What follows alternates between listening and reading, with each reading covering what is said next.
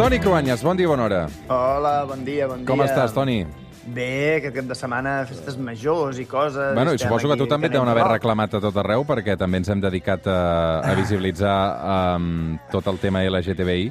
Sí, em tenen molt vist a mi, ja, no? Per Sí, això és veritat. Això és veritat, que no és cap història que no És coneguem. sorpresa. Eh? No, sí, sí. Home, això ja comença a ser com una tradició, realment, el Dia de l'Orgull, el 28 de juny, i, i clar, aquest any, políticament i informativament, coincideix amb la polèmica de Vox i un sector important del PP que estan proposant derogar la llei trans. De fet, és una de les polèmiques d'aquesta campanya electoral de cara al 23 de, de juliol. Eh, se n'està parlant i, i, i, de fet, Vox està aconseguint marcar l'agenda d'aquesta precampanya, Toni. Totalment, està, estan molt forts. Eh? Per això penso que, mira, avui estaria bé, com sempre, des del nostre punt de vista, des del punt de vista històric, doncs que parléssim d'aquesta realitat que jo crec que encara és molt desconeguda. Ha, hi ha, ha, de fet, hi ha moltes confusions. La gent barreja transexualitat i transvestisme o la identitat de gènere que es simplifica amb les operacions de, de canvi de sexe. We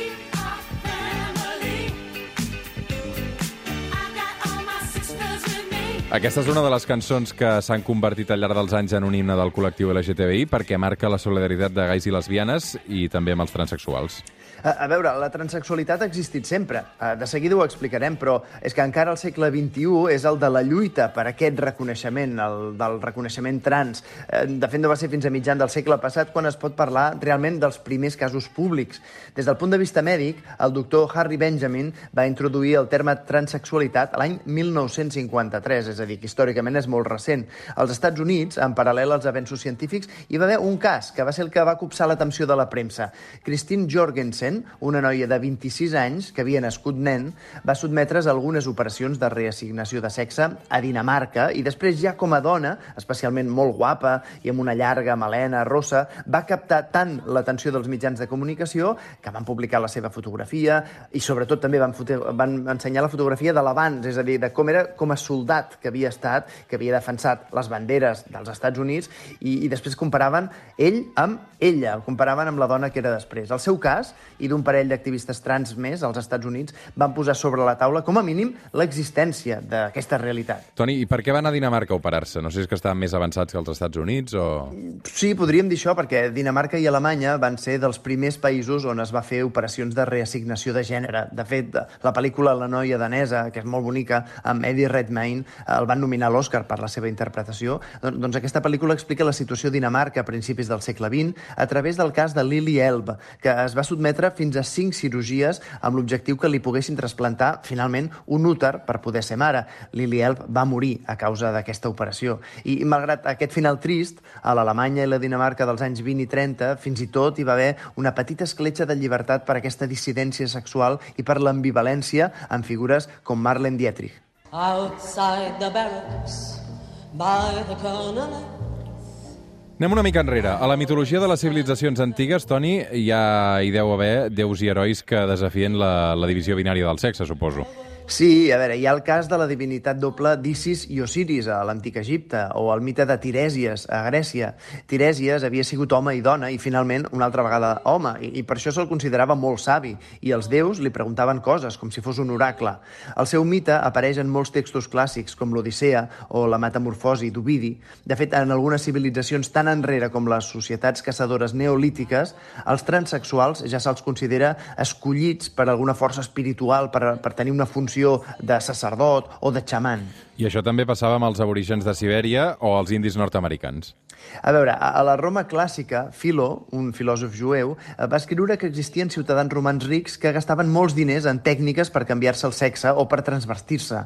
D'home a dona, sempre, eh, això. Això vinculava a les pràctiques homosexuals. I es creu que devia ser veritat perquè el mateix emperador Neró va arribar a legislar sobre el canvi de sexe. Això estem parlant del primer segle després de Crist.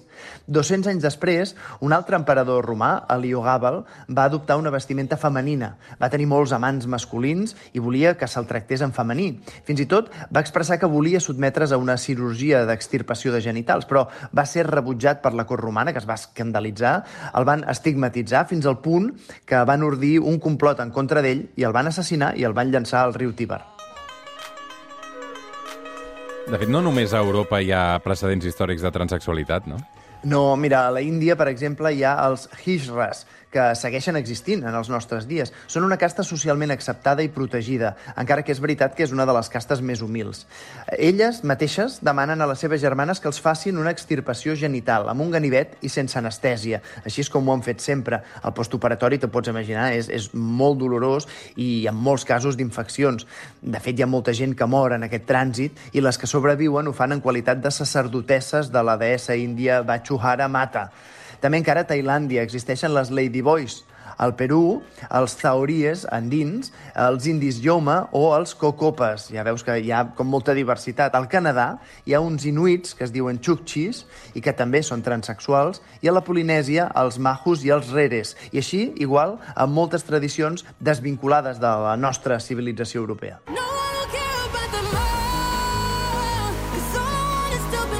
I, I Europa, amb aquesta que sentim Lorin, que és eh, la guanyadora de- d'Eurovisió, crec que va guanyar fins a dues vegades. Eh, ara és avantarada dels drets de la GTBI, eh, en el seu moment devia ser de les més intolerants del món, Europa, no? Sí, a veure, sobretot a l'edat mitjana, la, la moral cristiana va relegar a la clandestinitat qualsevol manifestació sexual que estés fora dels seus cànons. I hi va haver bruixes que eren, en el fons, transexuals o transvestides.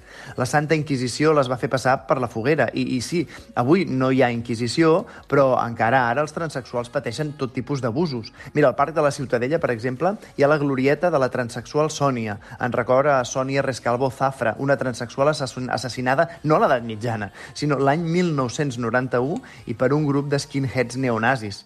El seu cas va ser tractat amb menyspreu, fins i tot per la policia, quan ho van investigar a l'època. De fet, eh, us recomano que això es pot veure en un capítol de Crims. Eh, Carles Porta va dedicar un cas a Sònia Rescalvo. Mm. De fet, aquesta setmana s'hi ha fet un, un homenatge per part de la comunitat LGTBI com, com cada any en aquesta glorieta que dius.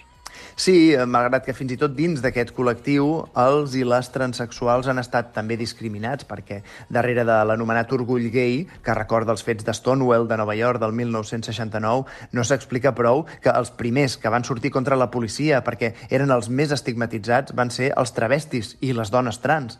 Encara ara la falta de la seva presència en àmbits normalitzats com la televisió o en llocs institucionals fa que no se'ls prengui prou seriosament. Una prova és això que està passant en política, no? El PP i Vox, que ja no s'atreveixen tant a anar contra gais i lesbianes, sí que treuen la llei trans com un nou cavall de batalla per aquestes eleccions.